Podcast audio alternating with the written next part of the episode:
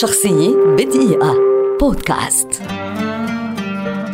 ديفيد لينش مخرج كاتب سيناريو منتج رسام فنان كرتوني ملحن فنان فيديو ومؤدي أمريكي شهير ولد عام 1946 ويعد أحد أبرز وأهم صناع السينما على مستوى العالم في العصر الحديث. أثناء دراسته الثانوية حصل على دروس فنية في مدرسة في واشنطن ثم سافر إلى بوسطن وفيلادلفيا وأوروبا لدراسة الفن بشكل أوسع وفي منتصف الستينات خاض تجربة صنع أفلام قصيرة ومنها فيلم الرسوم المتحركة Six Men Getting قبل أن يقدم أول أفلامه الطويلة عام 1977 بعنوان Eraserhead ثم أخرج فيلم The Elephant Man الذي حصل على ترشيحين لجائزة الأوسكار هما أفضل مخرج وأفضل سيناريو وأخرج بعد ذلك فيلم Blue Velvet واصل ديفيد لينش تألقه عام 1990 في فيلم Wild at Heart وفاز بجائزة السعفة الذهبية في مهرجان كان السينمائي عام 1990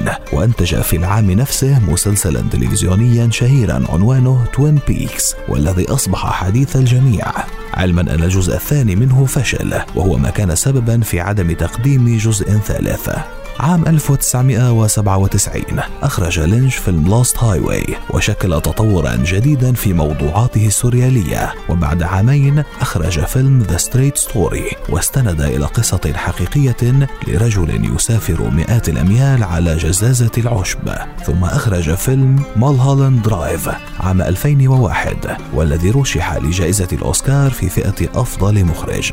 يصنف ديفيد لينش على أنه من أصحاب الرؤى العميقة في أعماله الفنية التي قدمها طوال مشواره سواء في السينما أو التلفزيون. ويرى النقاد أنه قدم أفلاما صادقه ومليئة بالتحدي. شخصية بدقيقة. بودكاست.